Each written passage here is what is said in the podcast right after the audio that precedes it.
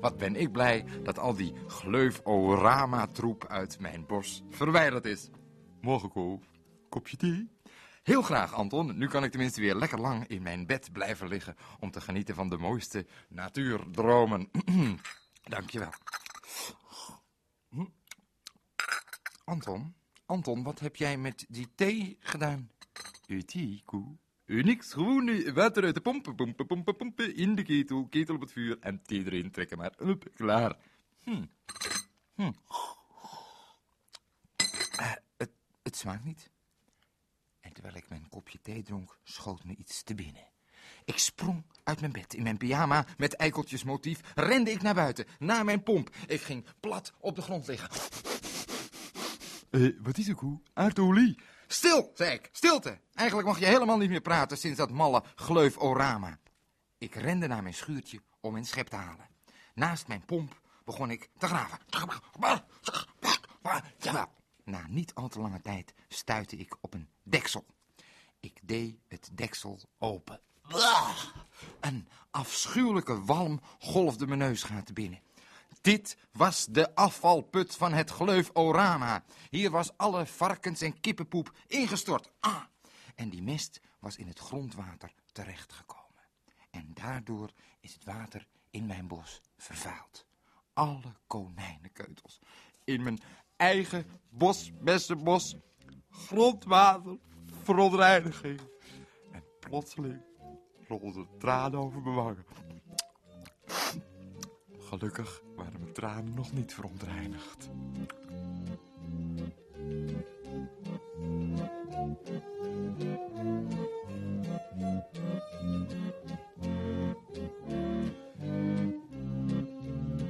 Waterverontreiniging en dat in het mooiste bos van Nederland, het Bosbessenbos. Nu denk je misschien, moet je maar niet pompen. Bij het water uit de kraan heb je daar geen last van. Hartelijk dank en goedemiddag, welkom enzovoort. Onzin dus. Waterverontreiniging is waterverontreiniging. En alleen merk je het misschien niet als je het uit de kraan drinkt, want dan is het schoongemaakt. Het gaat niet meer zomaar. En om dat water schoon bij je thuis af te leveren. Wat een toestand. In Nederland wordt rivierwater uit de Maas opgevangen in grote spaarbekkens. En dat water wordt naar de duinen in Zuid-Holland gepompt. Maar ook uit het water uit de Rijn wordt drinkwater gehaald. En het Rijnwater wordt direct naar de duinen in Noord-Holland gepompt. Dus Maas, Spaarbekken en dan naar de duinen in Zuid-Holland. En bij de Rijn gaat het direct naar de duinen in Noord-Holland. En die duinen die werken als een soort schoonmaakbedrijf. Goedemiddag, wij zijn van het schoonmaakbedrijf De Duinen. Wij komen nu even zeven.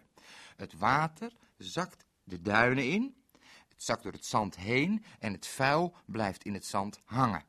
En het naar beneden gezakte water wordt weer uit de duinen gepompt en dat gaat dan nog een keertje naar een schoonmaakfabriek en daarna gaat het pas naar de huizen en de kranen.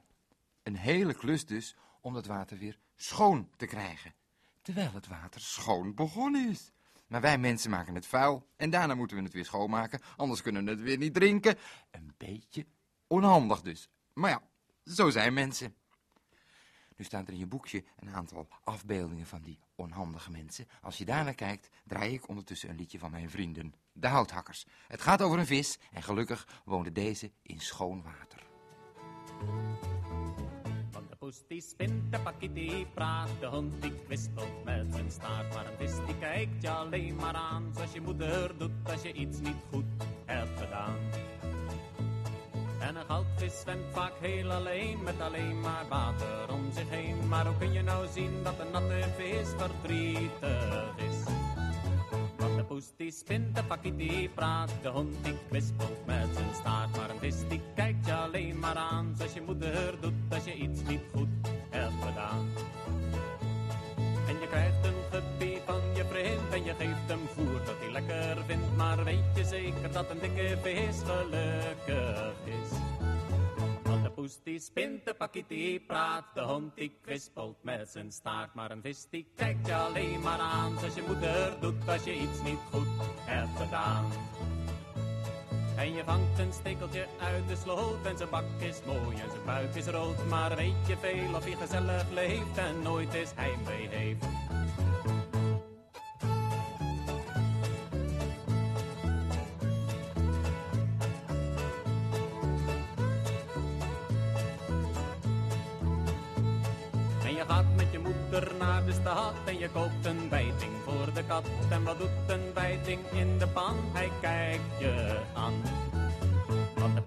Poes die praat, de hond die kwispelt met zijn staart. Maar een vis die kijkt je alleen maar aan, zoals je moeder doet als je iets niet goed hebt gedaan.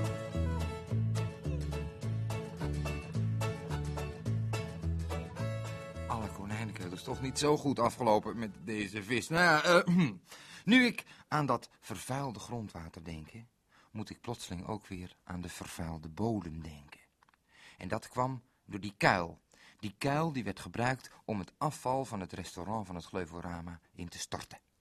En onder, in de bodem, bij het parkeerterrein, zat ook allemaal rommel in de grond. Olie van het lekken van de auto's. Konijnenkeutels in de schoolbanken. Luister eens even heel goed. Het heeft verschrikkelijk veel geld gekost om die vervuilde grond weer schoon te krijgen. Vrachtwagens moesten gehuurd worden. Mensen om die vervuilde grond in die vrachtwagens te scheppen. En nieuwe grond moest gekocht worden, want die oude vervuilde grond die wilde ik natuurlijk niet in mijn eigen bosbessenbos houden. Alle winst die dat idiote gleuvorama had gemaakt, is opgegaan aan het opruimen van het vuil. En dan praat ik nog niet eens over al die papiertjes en blikjes en kartonnetjes en plastic zakken en weet ik veel wat voor viezigheid nog meer die in het bos was achtergebleven. Ongelooflijk wat een rotzooi. Maar die rotzooi heb ik Anton Gleuf laten opruimen. Koe, riep je me? Nee, hou jij je mond. Ik vond het verschuwelijk, afschuwelijk, al die bodemverontreiniging. De bodem hoort gezond te zijn, want daar groeit van alles op en uit. Bomen en planten, maar ook sla en sperzieboontjes. En die eet ik weer op. Mijn bos leek verdorie wel op Nederland. Maar zo zijn we niet getrouwd. Nee, van zo lang zal ze leven niet. Nee, ik dank je de koekoek. Ja, die.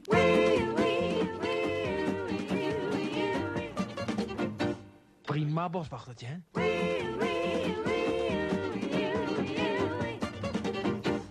Het water in mijn bos verontreinigd. De bodem verontreinigd in mijn bos. En dan denk je misschien, nou, de lucht was toch nog schoon, Ko. Maak je niet zo eh, veel drukte, jongen. De lucht schoon. De lucht schoon. Wat denk je wel? Dacht je dat al die uitlaatgassen die uit die auto's kwamen, die over mijn bospad denderden, dat die eh, uitlaatgassen zo schoon waren? Toevallig zijn uitlaatgassen zeer giftig. Jawel. En bomen en vogels of mensen, die houden niet van giftige stoffen. Wie houdt er van giftige paddenstoelen in de klas? Ik niet. Ja, op zijn tijd een sigaatje, maar dan houdt het ook mooi op. Dat is iets heel anders. Maar die vuile rommel die uit een auto komt, heb je wel eens diep adem gehaald als je achter een bus fietste? Kom je meteen twee weken naar Zwitserland om gezuiverd te worden. Hoe gaat het nou? Het gaat goed. Ik heb net achter een bus gefietst. Weet je wat ik het ergste vind van die uitlaatgassen? Die uitlaatgassen hoeven helemaal niet zo giftig te zijn. Door een apparaat op de uitlaat van een auto te plaatsen, kan die giftige rommel uit die uitlaatgassen gehaald worden. Dat kan, maar dat kost geld. En dat willen we niet. Te duur. Autorijden is al duur genoeg. Dom, dom, dommer, domst. Ik denk wel eens dat het komt omdat automobilisten zelf te veel uitlaatgassen hebben ingeademd. Want in die gassen zit lood. En dat lood dat is slecht voor je hersenen. Door dat lood kun je minder goed denken en minder goed leren. Vooral kinderen schijnen daar erg veel last van te hebben. Maar automobilisten volgens mij ook. En nu zijn natuurlijk niet alleen de auto's de boosdoeners. Wat dacht je van fabrieken, open haarden? Vroeger dachten de mensen, wat uit de schoorsteen vliegt, dat zijn we kwijt. Bye bye, toedeloe. Ja, ho maar even. Want al die kleine vuildeeltjes, die dwarrelden rustig weer naar beneden. Hopla. En toen de mensen dat wisten, toen gingen ze hele hoge schoorstenen bouwen. Oeh, wat een fijne hoge schoorsteen. En ja hoor, Wij hadden geen last meer van het vuil. Alleen, de buurlanden wel. En dat vonden ze leuk, daar hebben ze nog een feestje voor gegeven. Georganiseerd omdat ze ons vuil mochten houden. Hey, thank you, dank het, tring, tring. Alle konijnenkeutels. De telefoon. Ja, u spreekt met een zeer woedende werkgever, boswachter. Aha, een werkgever. Die zie je niet iedere dag voor de telefoon. Precies. Hebt u wel eens van werkgelegenheid gehoord en economie? Economie zult u bedoelen. Ja, dat bedoel ik. Economie. Die spullen Die in fabrieken gemaakt worden, worden gekocht en verkocht. Daar hebben mensen werk aan. Daar wordt geld aan verdiend. Meneer de werkgever, dat kan toch ook, maar dan wel schoon. We kunnen toch ook schoonmaakapparaten maken? Dat is goed voor de werkgelegenheid. Zulke dingen verzinnen boswachters alleen. Goedemiddag, meneer de werkgever. Goedemiddag, ik bedoel... eh, eh. Nou ja, kijk, als ik minister-president was, hè, dan zou ik het wel weten. Misschien zou ik wel meedoen ook aan de verkiezing. Misschien wel een goed idee, hè? Stem, ko, en het wordt zo. En dan moet je duim de lucht in, hè? En iedereen in groene kleren. Dat zou eh, lachen worden. ik hoe, net als soldaten. Oh, alle konijnenkeutels. Eh, ik bedoel, eh, wat ik net heb gezegd, heb ik even niet gezegd, ja?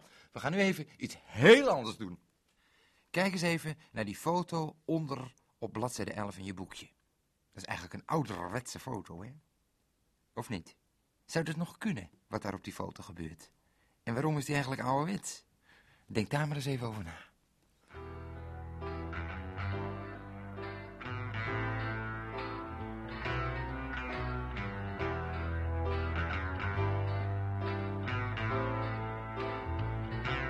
Mot is dood. Gisteren zat hij nog heel even op mijn schoot. Met zijn snuit zo leuk te beven. En als ik nu naar hem kijk, dan voel ik me zo naar. Door die stijfheid in zijn lijf. En zijn ogen staan zo raar. Mot is dood. Zijn vaste plekje naast het raam lijkt veel te groot. Het is wat stiller op mijn kamer. Ik zal hem nooit vergeten. Het was mijn beste vriend. Ik heb eigenlijk nooit geweten dat ik zoveel van hem hield.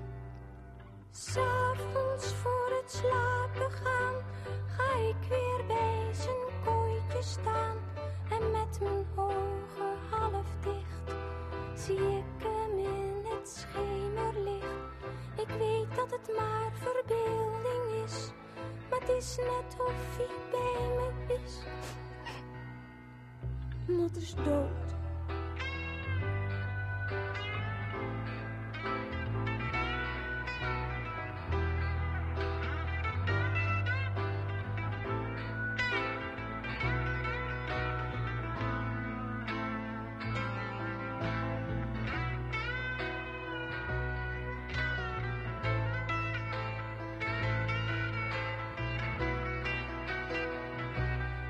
Mot is dood. Gisteren zat hij nog heel even op mijn schoot. Zo boordevol met leven. Hij had van die leuke oren en vlekken op zijn rug. Ik mag van tante een andere halen, maar ik wil mijn eigen mot terug. Mot is dood.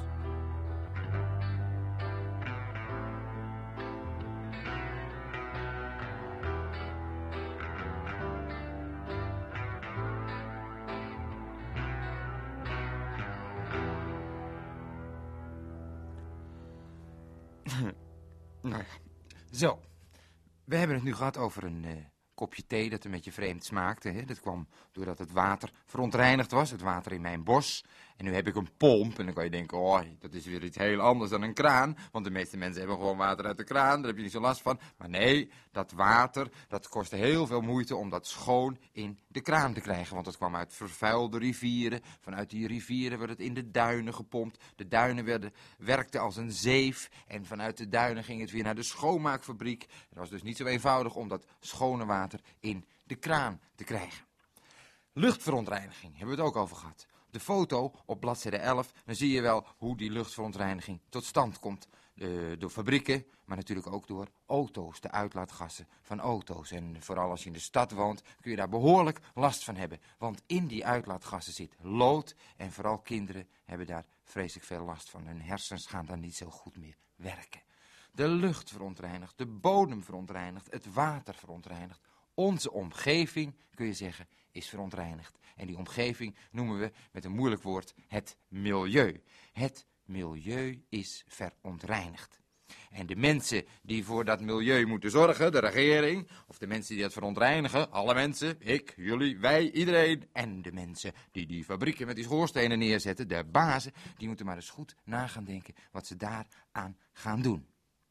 In je boekje, op bladzijde 12, staan twee slakken getekend. Dat zijn waterslakken. Ze staan op de kant. En die ene slak, die vraagt aan de andere slak... Schat, ga je mee zwemmen, hè? Verzin nu zelf maar wat die andere slak antwoordt. En wat die antwoordt mag je zelf opschrijven. Lees het allemaal nog even door en veel plezier met de werkjes.